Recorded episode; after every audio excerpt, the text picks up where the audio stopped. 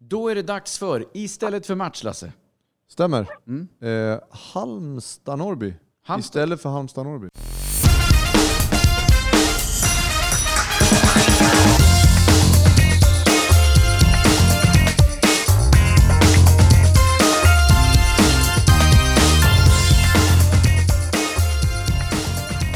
Idag har vi då eh, generalsekreterare för svensk elitfotboll, Mats Enqvist, Hej som Mats! gäst. Yes, stämmer bra det. Välkommen! Ja, kan vi säga, fast på distans. Ja. Var, var sitter du någonstans Mats? Nu sitter jag i Bälinge norr om Uppsala som är hemmakontor numera. Vi har ju också tvingats ändra på rutinerna i, i de här coronatiderna så att de flesta av oss sitter nu och jobbar väldigt mycket med videomöten och telefonmöten och mejl och alla andra distansuppkopplingar. Så att, eh, Det här blev ännu en speciella distans. Ja, det är Ännu en distansuppkoppling här. annorlunda Ja, tider. Helt vansinniga tider faktiskt också. Framförallt då i din bransch. Vi ska återkomma till det här längre fram. Vi har en hel del att prata om gällande just det här läget som vi är i idag. Men vi har lite andra grejer också. Jag tänkte bara börja med fullständigt namn. Eh, mitt fullständiga namn, Ja. Per Mats Olof Enqvist. Då får du hela Där har, paketet. där har vi hela harangen. Hur gammal är du? Per, jag är 59. Du, du säger Per Olof Mats, eller hur? Nej, Per Mats Olof. Per Pappa Mats Olof. Per Olof. Så är det. Så är det. Och fick in ett Mats där mitt emellan, så att, eh, det är vilket jag använder. Då. Du, hur, hur ser familjesituationen ut? Gift, två barn, en hund, en katt. Bor barnen kvar hemma? Nej, nu har båda barnen flyttat hemifrån, så de, eh, de bor i Stockholm och jobbar i Stockholm. Du, vi pratade ju om, eh, om din titel och så vidare här redan i början. Du får gärna beskriva den titeln, för det låter ju mäktigt alltså. Generalsekreterare. Ja, Det är många som inte riktigt vet vad det är för någonting. De, de säger ja, vad roligt att du är generalsekreterare. Vad, men eh, vad jobbar du med egentligen då? säga. ja, det är men som li- min mamma sa Men, när jag eh, sa att jag skulle bli fotbollsspelare. Ja. Ja. vad, vad ska du göra på riktigt? då? ja, men precis. Ja, vad gör en generalsekreterare och vad är det för något? Jo, men det, det är väl närmast att beskriva i en ideell organisation som vi är då, så är det väl att man jämför med vanliga företag så är ju egentligen vd det närmaste som, som är samma sak egentligen. Då, då. Så att vd skulle man väl säga annars, då skulle folk tror jag lättare att förstå. Men generalsekreterare och vd är ungefär samma sak. Är ni många i organisationen som du är generalsekreterare över? Ja, vi har växt lite grann. Vi är väl ett... Eh, idag är vi ett eh, 15-tal fast anställda och sen är vi väl ungefär lika många i olika projektanställningar. Och eh, samtidigt omsätter vi ju i runda slängar 750 miljoner per år så att eh, det, det krävs lite folk att ta hand om allt det där också. Det är en bra När jag började, så, när, när jag började var vi lite färre. Då, då var vi väl kanske fem, sex, sex anställda tror jag. Och eh, är några få projektanställda. Men då omsatte vi bara 250 miljoner. Så vi har ju tredubbla intäkterna och så har vi ökat personalen för att ta hand om det lite grann också. Ja, när började du med det här? 2012 började jag i januari. Så det, det är åtta år nu ungefär. Och hur kom det sig att du började där du började? Det var väl lite grann en slump kan man säga. Jag ju, egentligen har jag jobbat med att bygga upp företag i IT-branschen. Det var min Eh, ursprungliga profession. Jag jag byggde upp under de här IT-yrans dagar en del egna företag och satte på börsen bland annat. Och, och, eh, sen kom jag till en punkt där jag kände att det här blir bara Ja, det blir, det blir bara så krasst ekonomiskt allt man håller på med och den, den tävlingsjakten eh, kände jag att jag började bli ganska trött på. Så att jag fick en möjlighet då, eh, ungefär vid millennieskiftet, att avveckla den biten och, och istället så blev jag eh, generalsekreterare för Svenska Golfförbundet. Eh, vilket ju var en hobby jag hade mer och mer ägnat mig åt. Så att fick jag förmånen att arbeta med idrott. Och eh, det där med att arbeta med idrott är ju en ganska rolig mix mellan det man brinner för i hjärtat och det man då intellektuellt sett försöker åstadkomma arbetsmässigt, göra bra resultat etc. Så att jag tyckte det var ganska kul och eh, sen eh, var jag tillbaka i näringslivet ett tag, eh, både som vd och styrelseordförande för några både mindre och noterade bolag och eh, kände att det där suget i idrotten eh, saknades. Hade jag sån tur att eh, Birgitta Ljung som var, eh, som var generalsekreterare för Riksidrottsförbundet ringde mig och sa har du inte sett det här att Elitfotbollen söker en, eh, en ny eh, generalsekreterare ska göra en satsning nu på att bygga upp elitfotbollen. Och jag tänkte det är ju klockrent vad roligt fotboll som är en sån stor och enormt eh, ska säga, diversifierad sport som är ju kanske det som ligger mest på näthinnan hos alla människor. Och få jobba med utveckling där, det är nog precis det roligaste jag kan tänka mig. Så att, då sökte jag lite brokig väg in från IT-branschen in i sporten kan man säga, men jag har inte ångrat mig en sekund. Men du, du är inne på, på lite fritid där och pratar lite, lite golf innan och, och att vi, vi inser att det är det är ett väldigt eh, krävande arbete du har. Men hur ser en perfekt ledig dag ut för dig Mats? Är du ledig någon gång? det har inte varit så många får man väl säga. Det, det, här är ju en, och det är ju säkert, får man väl säga på de flesta klubbar samma sak. Det, det kan nog alla som jobbar med idrotten inse att man, man går mer in i en livsstil. Um, det går inte liksom avgränsa dagarna så mycket. Men om jag får um, om jag får välja några saker så skulle jag säga att idag är väl att eh, sätta sig och grilla lite grann och ta en eh, kall öl, får man säga det? Det får man. Med, med, goda, med goda vänner. Det, det står högt på listan för det hinner man inte med lika ofta längre. Eh, hinner du spela någon golf då? Eh, Ja, lite grann nu faktiskt med tanke på att det är så speciell situation. Men annars har det varit dåligt de senaste tio åren. Det har nästan inte spelat alls. Så jag försöker plocka tillbaka spelet. Det är hemskt kul med golf och rätt nyttigt också om man bara får tid med det. Men det här jobbet har inte riktigt medgett det tidigare. Men du, nu när vi ändå är inne på ämnet golf här nu då. Du kommer från eh, Svenska Golfförbundet, och, eller med, med, golfsatsningen och du pratar golf och har det som yrke och så går du vidare till fotbollen. Vad blev den stora skillnaden där? Ja, men bortsett från storlek på boll då? Ja, Nej, men för, för det första får man ju inse att golf är en individuell idrott och fotboll är en lagsport. Det, det kanske man tycker bara är ett kuriosum eller, eller inte så viktigt, men, men det spelar faktiskt roll. Eh, för i golfen är det ju individer som man på något sätt ska coacha genom att sätta upp strukturer, tävlingar och utbildningar och så vidare. Men i fotbollen med, med lagsatsningarna och de här tydliga klubbsatsningarna som enbart handlar om tävling och eh, prestation på vår nivå i alla fall så är det faktiskt ganska stor skillnad. Eh, båda är idrott, men vi är ju en helprofessionell idrott i elitfotbollen som eh, visserligen drivs av ideella föreningar men där eh, vi lever på kommersiella intäkter baserat på vår tävlingsverksamhet, så får man uttrycka det. Så vi skiljer oss ganska mycket från golfen och golfen i sin tur skiljer sig väldigt mycket från ytterligare andra idrotter och där, där är väl en av idrottens utmaningar. Många tror att idrott är ett och samma begrepp men, men idrott spänner över en enorm eh, enorm skillnad mellan de olika idrotterna. Allting är ju idrott, men, men därmed inte att det är samma sak. Men när du då kom sen till SEF, eh, vad kände du att det första att du skulle göra, vad, vad var det? Liksom? Vad var grejen? Att det här ska jag bidra med nu? Ja, vi, vi sa ju...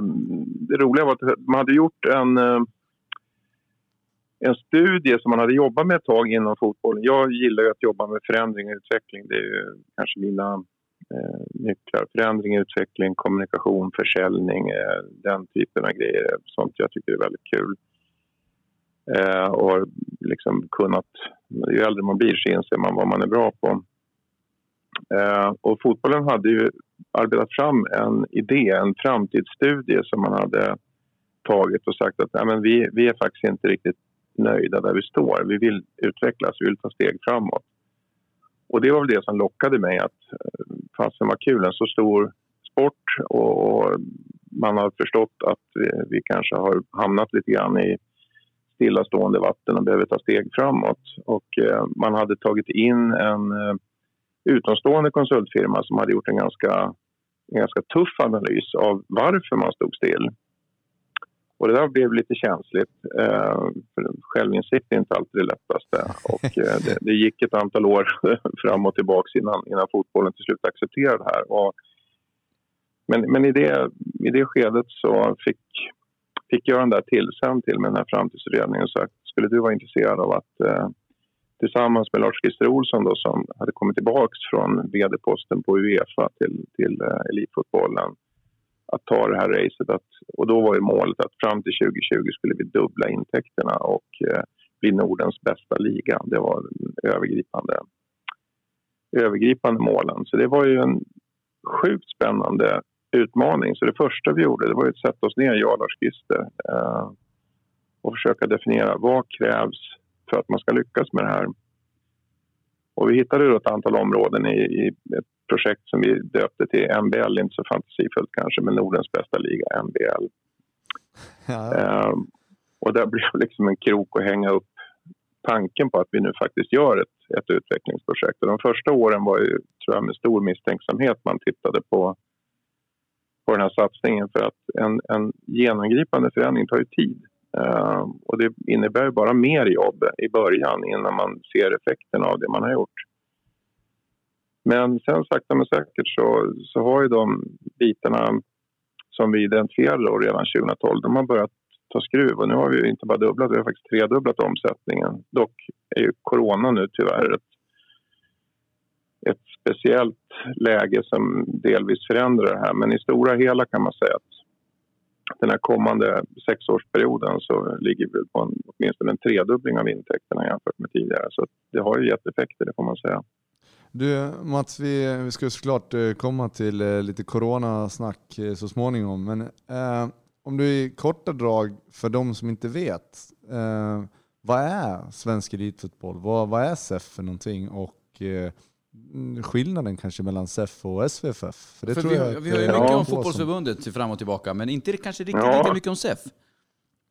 Nej, det beror lite på. Ibland pratar vi och då tror folk att det är förbundet och tvärtom. Mm. Men, men förbundet är naturligtvis mer kända eh, och har ju historiskt sett varit och, och är den övergripande eh, chefen för svensk fotboll kan man väl uttrycka det. Eh, så förbundet är ju så att säga, myndigheten fotboll som, som eh, sitter med i Riksidrottsförbundet, som finns med i Fifa, och Uefa, som sköter svenska fotbollens regelverk oavsett föreningsnivå och oavsett serienivå. Så man är, man är myndigheten fotboll. SEF bildades ju för eh, ja, snart hundra år sedan, eh, så det är ganska länge sedan ändå så bildades vi för att vara en motkraft i förbundet. Det lät inte så snällt. Men, men elitklubbarna tyckte att man blev inte sedd riktigt i, i, i helheten. Så man ville ha någon som förde elitföreningarnas gemensamma talan i olika frågor. Och det där eh, 1928 för övrigt eh, startade vi då. Eh, och det där är SFs uppdrag. Så att vi är alltså inte chef över klubbarna utan det är faktiskt klubbarna som är chef över oss. Och vi är ett gemensamt intresseorgan för att driva utvecklingsfrågor, skapa gemensam ekonomi eh, och tillhandahålla service i olika former till de klubbar som är med i Allsvenskan och Superettan. Medan förbundet mer regler, disciplinärenden, eh, formella besluten och så vidare. Där, där ligger ju alla de så att säga, grunderna för fotbollen ligger där medan utvecklingsfrågorna ligger mer på SEFs sida och försäljning och intäktsskapande. Men är det, skulle du säga att det, att det är den delen just med försäljningen och intäkterna som, eh, ja, du pratade om den här resan som du har varit med på under de senaste åren. Är det det som, som är liksom den stora förändringen som har skett de, de senaste åren? Är det det ni känner att ni har gjort mest nytta i? Liksom?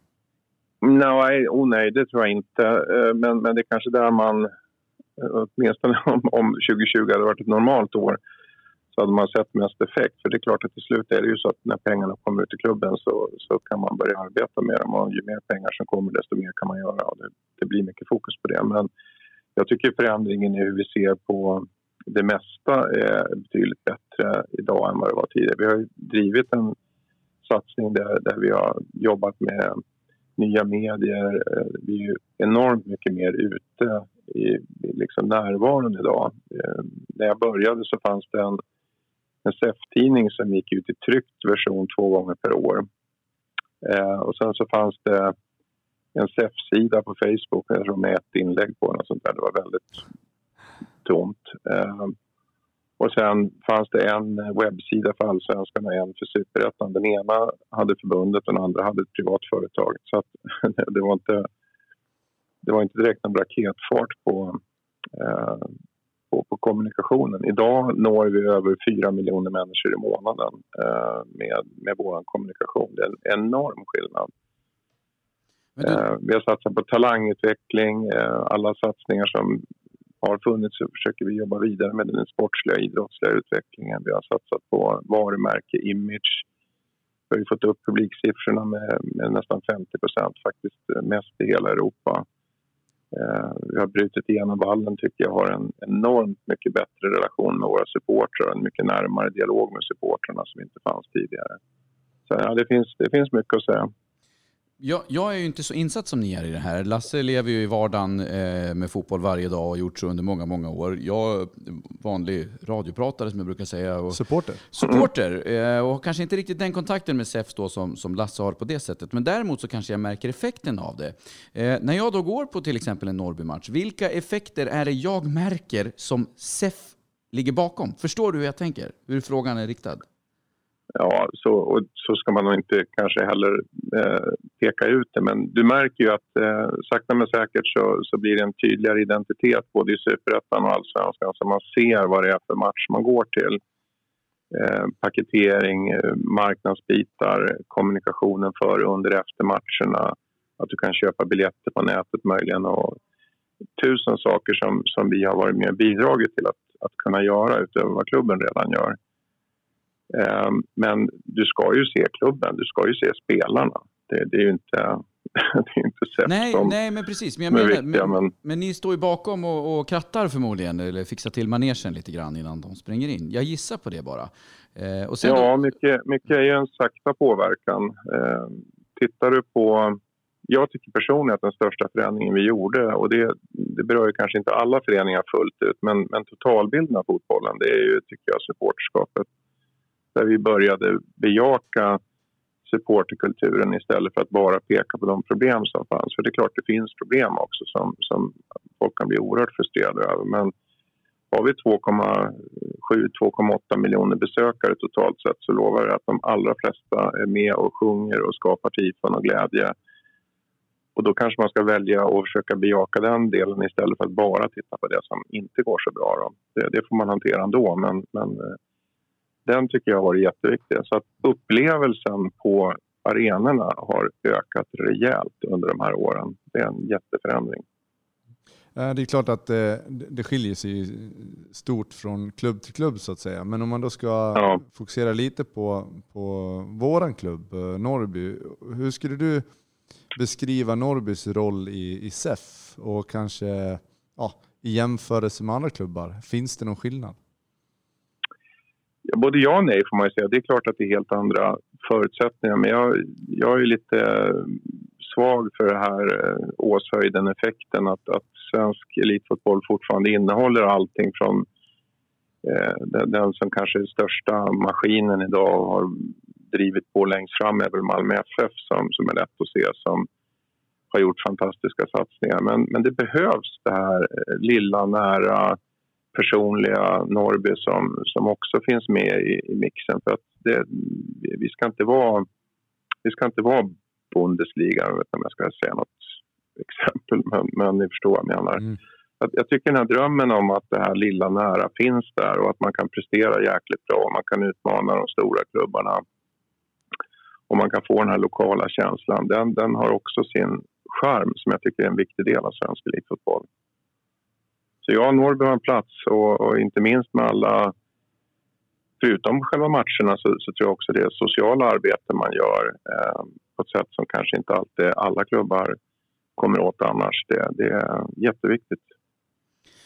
Jag ställer återigen en dum fråga nu då, när vi ändå är inne på det här med Norrby. Men vi, vi pratar ju SEF, det är för elitfotbollen eh, i Sverige och då nämner du allsvenskan och superettan. Om man inte är med i någon av de eh, divisionerna, då är man, mm. då är man liksom inte med i, i gänget. Jag bara, det här är ingen kritik, utan det är bara en fråga.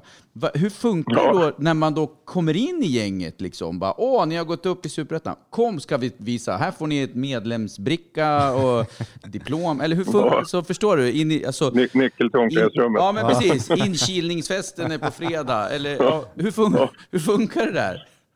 Ja, faktiskt nästan lite så, men inte riktigt så enkelt. Då. Men det är så det, det, vi är ju en intresseförening för just de två högsta ligorna och det är inte olikt andra länder. Att, att är du i Premier League så får du del av Premier Leagues tillgångar och så vidare. Är du i Bundesliga så får du det. Är du i ett sajt i Bundesliga så ser det annorlunda ut. Och åker du ner ytterligare ett steg så ser det annorlunda ut. Så fotbollsförbundet håller ihop allting. Alla klubbar oavsett eh, var man finns i seriesystemet är ju medlemmar i Svenska fotbollförbundet. Det som skiljer sig när du kommer upp i allsvenskan och superettan är att du också då blir medlem i svensk elitfotboll. Och det innebär att du bland annat då får ta del av den verksamhet som vi driver för just de klubbarnas räkning. Det är de 32. Och den bistra sanningen är att varje år när serien är färdig så, så kommer ett par klubbar att lämna oss och ett par klubbar kommer att komma nya.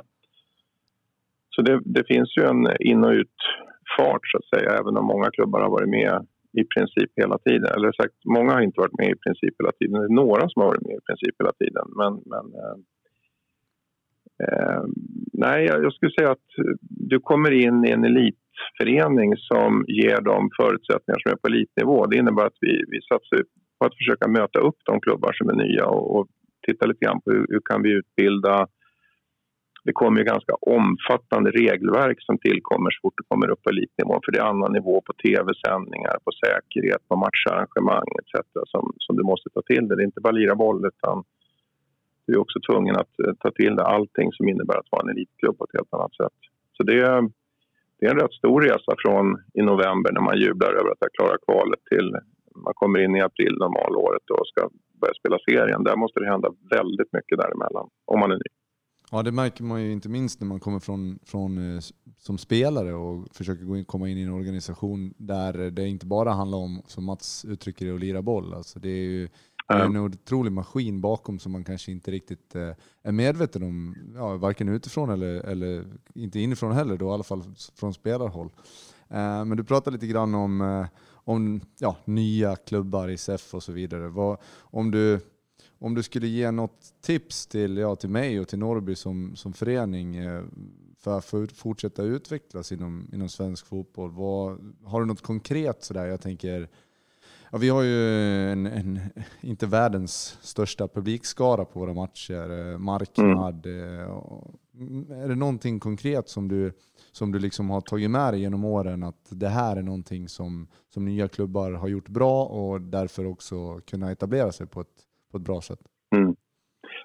Så svar, svaret är att det finns lite olika vägar tror jag och, och även kombinationer. Man kan säga att den sportsliga vägen är ju den ena, att försöka ha bra akademier, bra talangutveckling eller möjligen ha en bra sportchef som rekryterar spelare i olika former. Då. Och nu blir det tufft här. Eh, ja, ja kört. precis. men men eh, så att säga, sporten är ju naturligtvis avgörande. Det vill säga att du, du, kan ju, om du lyckas få ihop ett bra lag så, så kan du ta dig upp, speciellt upp i superettanivå i alla fall, tror jag, från division 1. Eh, där det kan liksom hålla på det. Men, men beroende på ambitionen, vill det bli ett hållbart allsvenskt lag till exempel? Jag, jag var nere och pratade för styrelseledning för en av våra klubbar, jag ska inte säga något namn nu. Eh, och där, där, eh, där man har liksom varit uppe högre men inte riktigt där nu och vi diskuterade lite fram och tillbaka vad som skulle vara. Jag för frågan, men vad, vad är er ambition?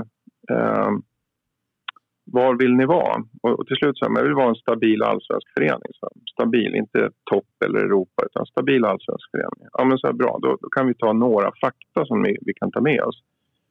Det räcker inte med att ni plockar fram bra spelare från era akademier för tyvärr kommer de att bli uppköpta för ni har inte råd att behålla dem. Så kommer ni upp på den här nivån genom en härlig spelartrupp så kommer ni märka att om ett eller två år så är merparten av de spelarna är bortköpta. Och då har ni inte råd att, att, ha kvar dem för att ni har inte den ekonomin. Så ekonomi blir ju en faktor förutom att ni måste hitta spelarna. Och hur skapar man ekonomi och vad är det för ekonomi som behövs? Ja, om du omsätter i storleksordningen 15-20 miljoner kanske Eh, så behöver du upp på minst det tredubbla för att vara en stabil förening. Förmodligen det fyrdubbla om man tittar några år framåt här. Det vill säga du måste kanske titta på en 60-70 miljoner i omsättning eh, med tanke på den nivå vi kommer ligga nu de kommande åren för att orka hålla kvar en spelartrupp och orka hålla kvalitet på, på det du gör. Så det, det första är att du måste med tre eller fyrdubbla intäkterna. Det är jävligt krasst att säga så. Hur gör man det då Mats? Ja. Vad är hemligheten? Jag, jag, kommer dit. Ja, vad bra, vad bra. då, och, det, och det värsta, det är naturligtvis inte enkelt då, men hemligheten är, och du var inne på det Lasse, det, alltså någonstans är det så här, vad, vad, är det som gör att vi får intäkter till vår verksamhet? Ja, det är ju naturligtvis matchdagsintäkter och det är sponsorintäkter och det är rättighetsintäkter etc. Det, det är så vi finansieras, det är inte bidrag utan, och det är inte medlemsavgifter som, som orkar hålla en klubb utan vi måste ju generera våra egna pengar. Och det som skiljer fotbollen från, från andra verksamheter som inte får riktigt lika mycket pengar, det är publik. Därför ju fler människor som gillar det vi håller på med, ju fler människor som med bidrar till stämning och upplevelse, desto fler företag vill gå in och köpa plats i det här för de vill naturligtvis synas inför all denna publik. Och ju fler matchdagsintäkter får du, det vill säga att du säljer biljetter. Så det är, tror jag, långsiktigt en nyckel om du verkligen vill utvecklas. Förutom den sportsliga delen, det är att du också tänker till på hur skapar jag en större publikbas. Och det, en del tror att om man spelar bra då kommer publiken. Men jag skulle säga tvärtom. Om du får publiken då kommer du förr eller senare spela bra. Och hur får, man, hur får man publiken då? Det är nästa fråga. Det finns ju tusen följdfrågor på det här hela tiden. Men finns det någon nyckel ja. till just att, att locka publik då? Det har inte bara med resultat att göra på plan. Nej, men, det är precis den här resan vi har försökt bygga gemensamt och i, i hela SEF-kollektivet. Och det finns massor att göra på lokalt plan fortfarande. Vi tittade på en undersökning. För det första, vilka är publiken? Eh, för, för, det är väldigt lätt att, att liksom... om, om du går till en krasst, om du går till en, en butik och så frågar de vad är det för typ av kunder du har så vet de det, åtminstone om det är någon lite större butik. Klädkedjan, de vet precis vilka kunder, typer de har och de vet vilka som vill köpa vad och de lägger stor energi på att uh, köpa in varor som är intressanta och marknadsföra dem så att den här kundgruppen kommer in. Och så här krassa vill vi helst inte vara i fotbollen för det är en kärlek och så vidare. Men, men den här kärleken ska födas på något sätt också. Så det inte bara blir de allra närmast som kommer att titta. Så vi tittade lite grann vilka är publiken. Vi hittade fyra huvudgrupper för att förstå vilka som faktiskt går på fotboll. Och en gruppering, det, det här är svårt att förklara på, på ett sånt här upplägg. man skulle rita och visa kanske. Men om ni tänker ett fyrfältsdiagram, alltså fyra ett kors då med, som ger fyra kvadrater. Mm. Längst ner till, eh, till höger, den kvadraten, den kallar vi för patrioten. Och den har en utmärker sig av att man har en väldigt stark eh, social tillhörighet i gruppen och man har en väldigt stark lagidentitet. Det vill säga, är du bland patrioterna, och det fattar de flesta att det är mer eller mindre klacksektioner men det, det finns patrioter på andra grupper i, på läktaren också de byter inte lag. Alltså har du väl blivit eh, aik eller Malmö-fan eller Hammarby-fan eller Norrby-fan för den delen så, så byter man inte. Det vill aldrig inträffa. Mm. Och de har också ett socialt regelverk, det vill säga man håller ihop. Eh, stora grupper, eh, man, man pratar ihop sig, man åker gemensamma bortaresor, man gör tifon, man, man sjunger tillsammans och har ritualer runt det hela som, som är faktiskt i många avseenden större än både fotbollen och ibland större än landets lagar också, får man ju säga. Så den, det är den ena gruppen och det är många som förknippar fotbollen med det. Ovanför dem så har du en grupp som fortfarande har väldigt stark lagtillhörighet men som drivs av fotbollen bara, inte sociala drivkrafter utan de älskar fotboll och vi kallar dem för läktarexperterna. Och det här är människor du hittar på... Ja, alla brukar känna igen dem det är gänget som sitter på långsidan och vet precis varför en spelare skulle ha gjort annorlunda eller bättre på en annan plats eller varför tränaren gjorde fel eller och så vidare. De är enormt trogna, men de kommer en och en, möjligen två och två. De går inte i stora grupper, men de är där match efter match efter match. Och sen har du, och varför domaren alltid dömer fel dessutom ja. vet man precis. Om du fortsätter till vänster på den högra halvan då hittar vi något som vi kallar för matchkonsumenterna. Det vill säga mycket fotbollsintresserade men är ganska kräsna efter upplevelser. De har inte ett tydligt hemmalag. Utan de kan gå på en massa olika matcher och de vill se fotboll. Och de säger att jag åker på Premier League och tittar. Jag har varit nere och kollat när Zlatan spelar. Jag går på landskamper. Jag... De har ratat oss tidigare. De, de, tyckte inte det var spännande nog att gå på en allsvensk eller en superettamatch. Utan de, de, de är konnässörer lite grann. De konsumerar fotboll. Mm. Och den där gruppen har varit asviktig för oss att, att försöka vinna över. För det, där är ju precis vår målgrupp. Det är bara att de på något sätt tycker att allsvenskan och superettan inte har hållit tillräcklig nivå. Eh, så den, den gruppen är, är jävligt viktig. Och slutligen då sista kvadranten om man nu har gått motur så här, eh, längst ner till vänster då, är några vi kallar för upplevarna. Och det är de här som är väldigt socialt drivna igen, precis som patrioterna.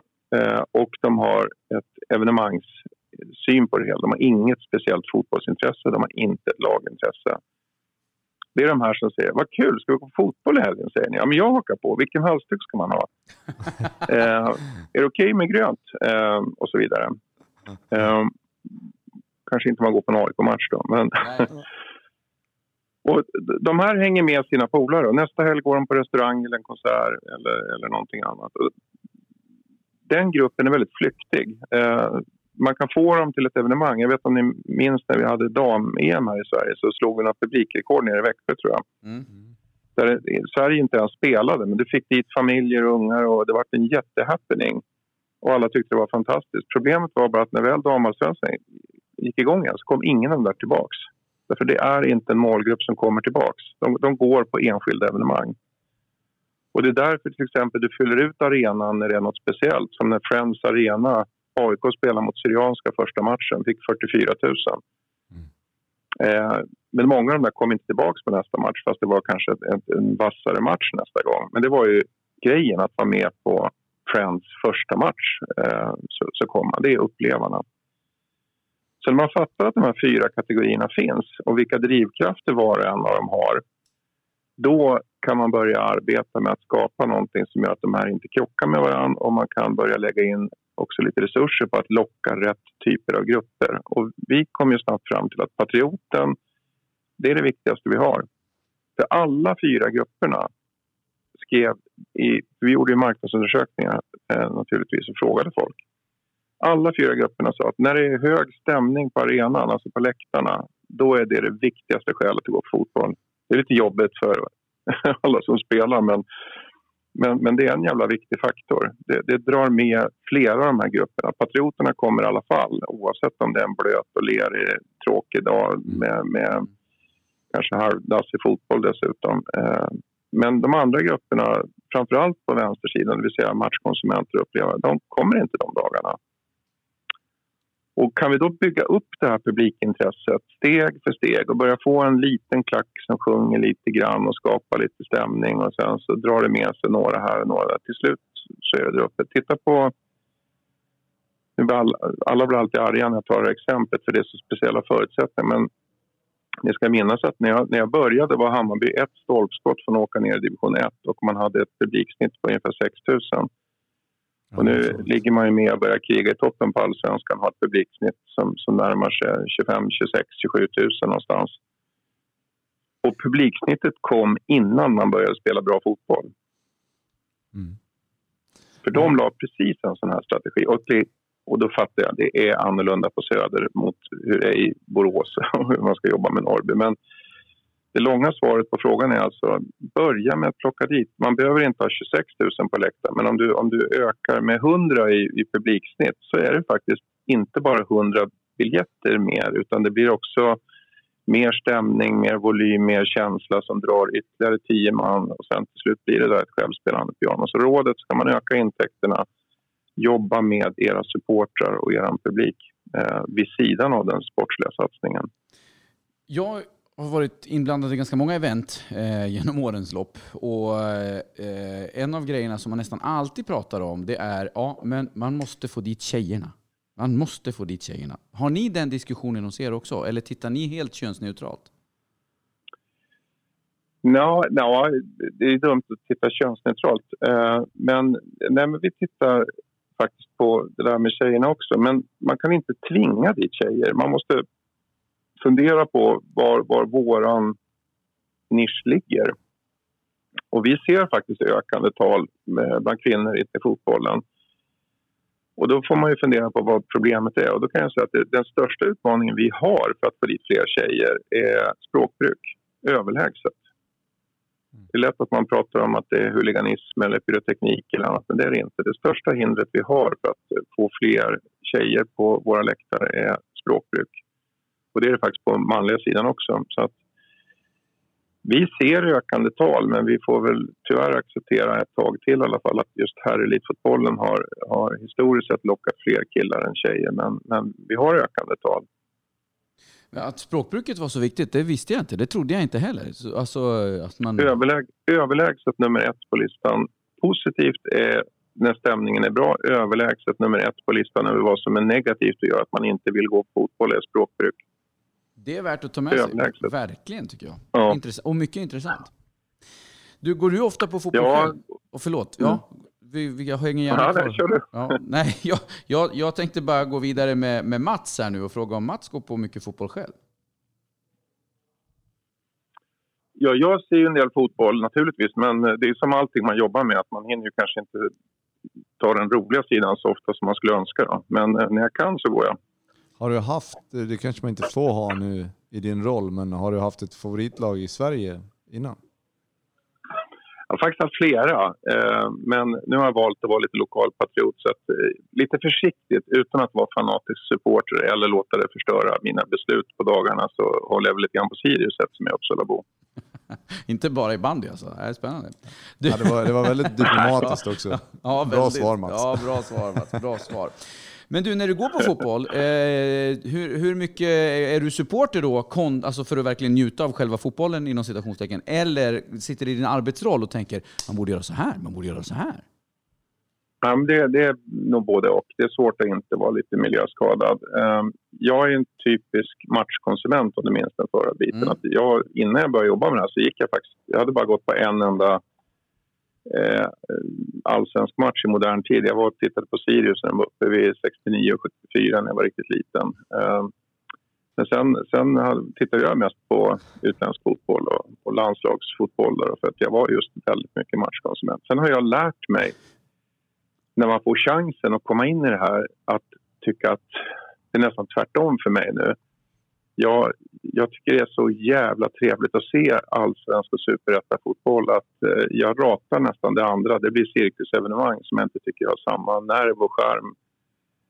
Så att ja, jag kan njuta av det, men det är klart, det räcker ju med att det går snett någonstans. Att någon kastar in något så, så går ju naturligtvis skallen oj vad får det här för konsekvenser, vad händer nu och, och så vidare. Så det, det, är svårt att bara sitta och njuta, så ska jag trycka det. Men jag måste få ställa en följdfråga på det här.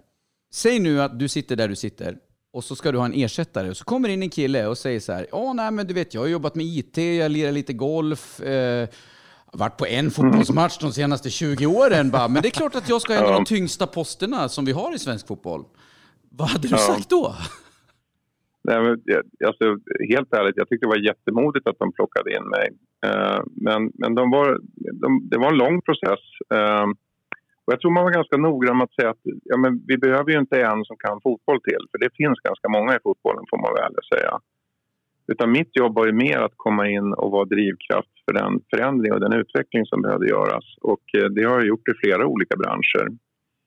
Så att eh, det var ju modigt av både styrelsen och rekryteringsfirmorna som gick igenom det här. Det var ganska många sökande att, att de vågade plocka in mig. Men jag förstår precis vad du säger.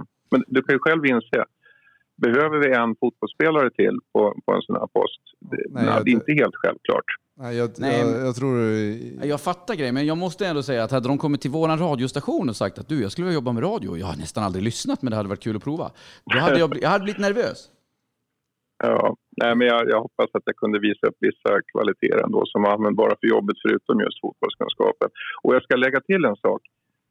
Eh, för, för du, du, har helt rätt egentligen i frågan. Det, fotbollen är så stor att det skulle vara en, en enorm uppförsbacke. Även om jag har byggt upp börsföretag och jag har varit som chef för, för andra stora idrottsverksamheter och andra företag så är fotbollen väldigt speciell. Eh, hade inte jag haft Lars-Christer Olsson med mig så vet jag fan om det hade gått. Men jag fick ju med mig en av som jag anser Europas absolut skickligaste människor när det gäller fotboll och det är Lars Christer. Så han och jag har varit ett radarpar från dag ett och det, då fungerar det här väldigt bra. Men kan du istället känna att det kanske var lite till din fördel att du inte var en så kallad fotbollsnörd? Liksom? Att... Ja, men det tycker jag. Just för att man skulle göra förändring. För att man blir lätt så låst i att ja, men så här har vi alltid gjort och det där går inte och så vidare. Man, man har en, en bias i, i synen på det hela. Så ibland tycker jag det är ganska skönt att kunna titta med en nyckel som var i den här framtidsutredningen var att vi, så så här, ni kan inte stå på mittcirkeln och titta ut och undra vad fan är alla sponsorer och all publik. Ni måste ställa er där ute och säga vad skulle jag behöva för att välja att bli sponsor eller publik till det här laget mm. utifrån och in-perspektivet. Och det kunde jag verkligen bidra med.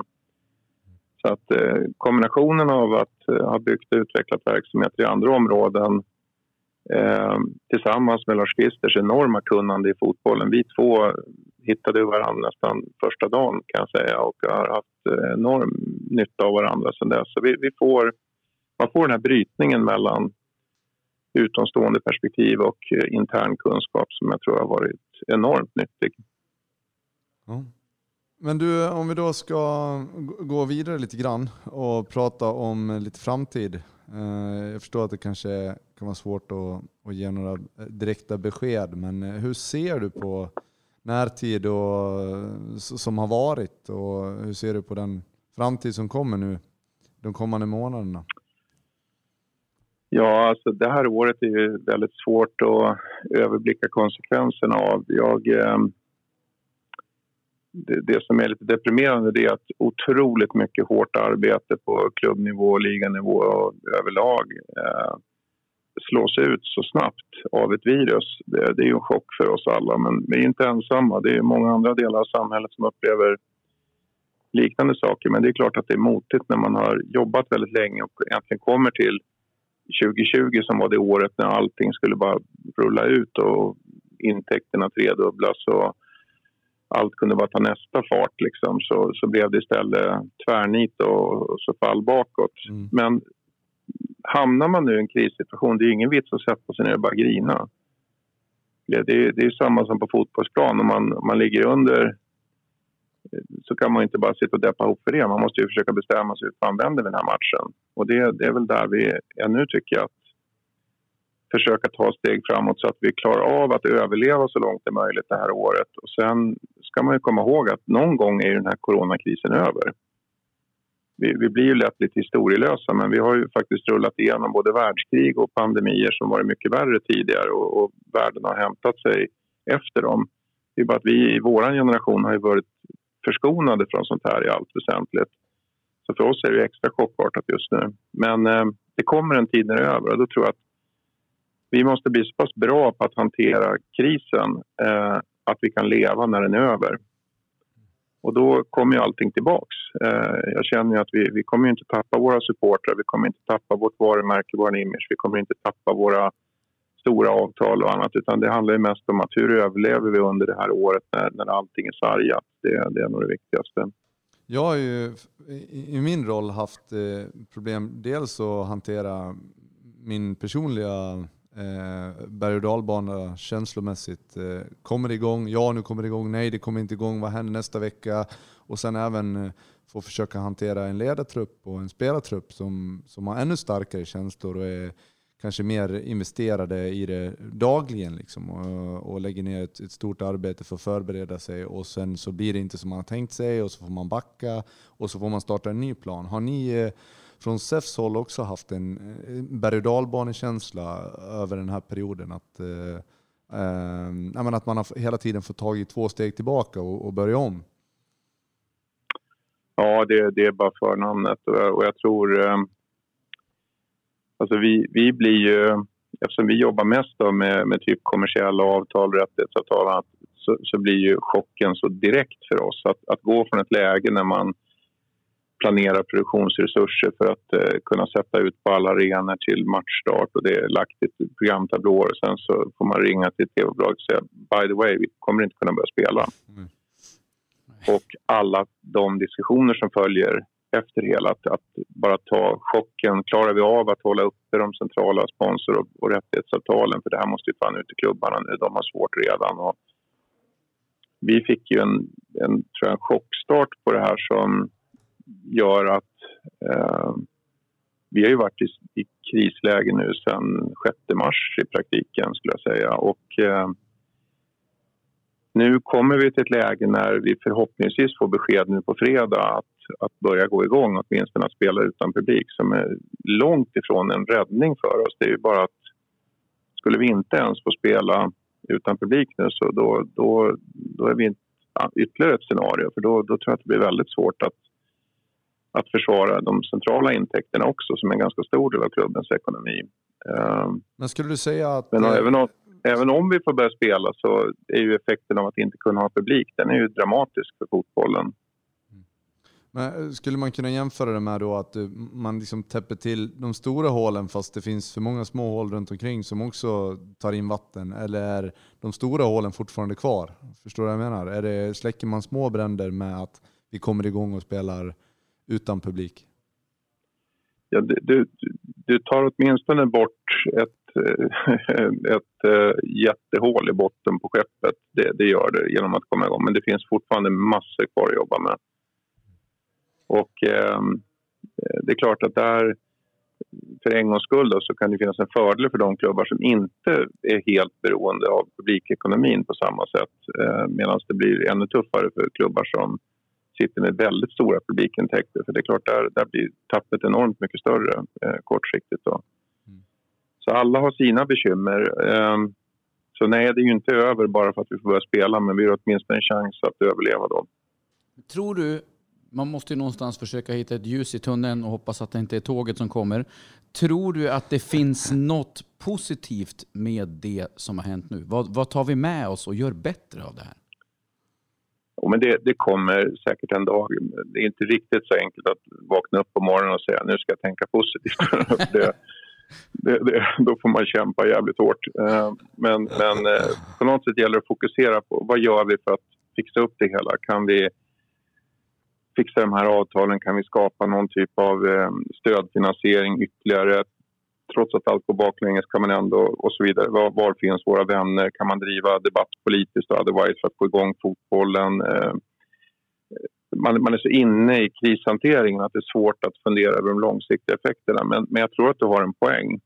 Eh, för det kommer ju en dag när vi sätter oss ner och säger uff, skönt, nu, nu är det där över. Hoppas vi aldrig mer behöver uppleva något liknande och fundera lite grann vart tar vi vägen? Eh, och jag tror ju ändå, om man ser till elitfotbollen så finns det ju säkert saker som, som vi har behov av att tänka till på. Jag, jag kan ju tycka eh, att, att man kan fundera lite grann över den, den här toppekonomin som har funnits kring elitfotboll och professionell fotboll till viss mån i Sverige men definitivt utomlands den är ju hysterisk. När, när liksom agenter kan tjäna i princip miljardbelopp på att bara förmedla spelare och eh, när Champions League börjar eh, ligga på en nivå att det riskerar faktiskt att slå ut den inhemska ligan eh, för att det är några få ligor och några få klubbar som tjänar de riktigt stora pengarna. Och så dränerar man bara alla andra på, på personer och annat. Den systemkollapsen som jag tycker har varit på väg en längre tid i, i fotbollen när ekonomin rullar så snabbt som den har gjort. Den kanske man kan börja fundera på att få en lite sundare hantering av. Um, men som sagt, det, det, det, finns nog mycket att fundera på när det här väl är över, men, men uh, inte riktigt där än. Jag tänker att förhoppningsvis kan det väl kanske åtminstone ge en liten boom när det väl tillåts publik igen. Att eh, alltså, intresset har ju alltid varit stort i Sverige runt fotboll, men nu när man verkligen har fått känt saknaden av, eh, alltså, av är... både allsvenskan och superettan och sitt lag, att man känner nu vill jag vara med och stötta, att det kanske blir en lite mer solidarisk känsla runt det också. Ja. ja du vet, när vi drog igång, jag sa ju, vi gjorde alla de här mätningarna på när vi drog igång då var eh, allsvenskan var en stabil verklighet i, i svensk folks minne, men vi var alltså inom, inom sport så var vi ju ganska långt efter SHL som hade ett starkare varumärke och ett starkare folkhjärta. Det är bittert att erkänna, men så var det. Och eh, när vi mätte bara inom fotbollen och fotbollsligor så minns jag fortfarande chocken jag fick när jag såg att eh, 2012-13 eh, så görs det görs ju oberoende mätningar av eh, Upplevelseinstitutet och Sponsor Insight, allt vad de nu heter. Då minns jag att eh, Premier League låg i en preferens, alltså vad man väljer. Eh, på 37 procent av de som gillar fotboll tyckte att Premier League var, var ett bra val. Allsvenskan var 11 procent och sjunkande. Eh, så började vi. Och idag, innan corona här nu, när vi avslutade förra året så låg allsvenskan och eller elitfotbollen ska jag säga, låg i svenska folkets opinionsmätningar på ungefär 38 procent och ökade. Medan Premier League har sjunkit till 17 procent i preferensen om man säger vem vill ha som första liga. Fan häftigt. Mm. Det är ganska ballt. Och, och, den här, och vi gick för första gången också förra året så gick vi faktiskt förbi SHL eh, som nummer ett i mätningarna. Eh, så att det har ökat fantastiskt bra, det folkliga stödet. Och jag hoppas ju innerligt att det finns kvar när vi väl får gå igång. Så att jag ger dig gärna rätt, Lasse. Det, eh... ja, man är ju sjukt sugen, det måste man ju säga. Ja. Alltså, att komma hemifrån känns ju som en vinst. Men du ja. Mats, om vi ska försöka runda av lite grann så tänkte jag bara tre lite, lite snabba eh, ja, spekulationsfrågor, får vi kalla det. Eh, mm. Först och främst, vågar du säga någonting om, om eh, fredagens eh, beslutsfattning? Vad, vad tror du? Ja, jag, jag tycker, ja jag vågar säga, jag säger så här att jag kan inte se några logiska skäl med de enormt långtgående åtgärder och det ansvar vi har tagit till att man skulle säga nej. Men jag törs inte lova att det blir ett ja för den skull. Vi, vi har varit förvånade förr. Ja, du, vi är överens där. Jag tror också som du. Eh, och sen eh, då om det drar, drar igång, kan vi få en, eh, en, eh, ett vinnartips på, på både Allsvenskan och Superettan kanske? Nej, det håller jag mig ifrån ja. faktiskt. Det, det, det jag tänkte jag nästan det. det var värt, det är inte min sak att tippa. Ett förlorartips då? Det, det, dessutom är jag rätt dålig på att tippa. Alltså. Ja. Du, han har sett en match Sirius innan han började jobba. Han kan ju ingenting om fotboll, det har vi gjort. Nej, så illa är det inte. Jag skojar bara Mats, det var mycket. ett skämt bara. Men före 2012, då kan jag lova att jag kunde sjukt lite om allsvensk fotboll. Då, då blev det ju så att man, man såg Göteborg och Malmö, de här lagen, när man, man var ute och spelade i Europa möjligen. Men annars såg jag alldeles tyvärr för mycket utländsk fotboll. Och eh, nu sen 2012 skulle jag säga att jag ser 99 procent inhemsk fotboll.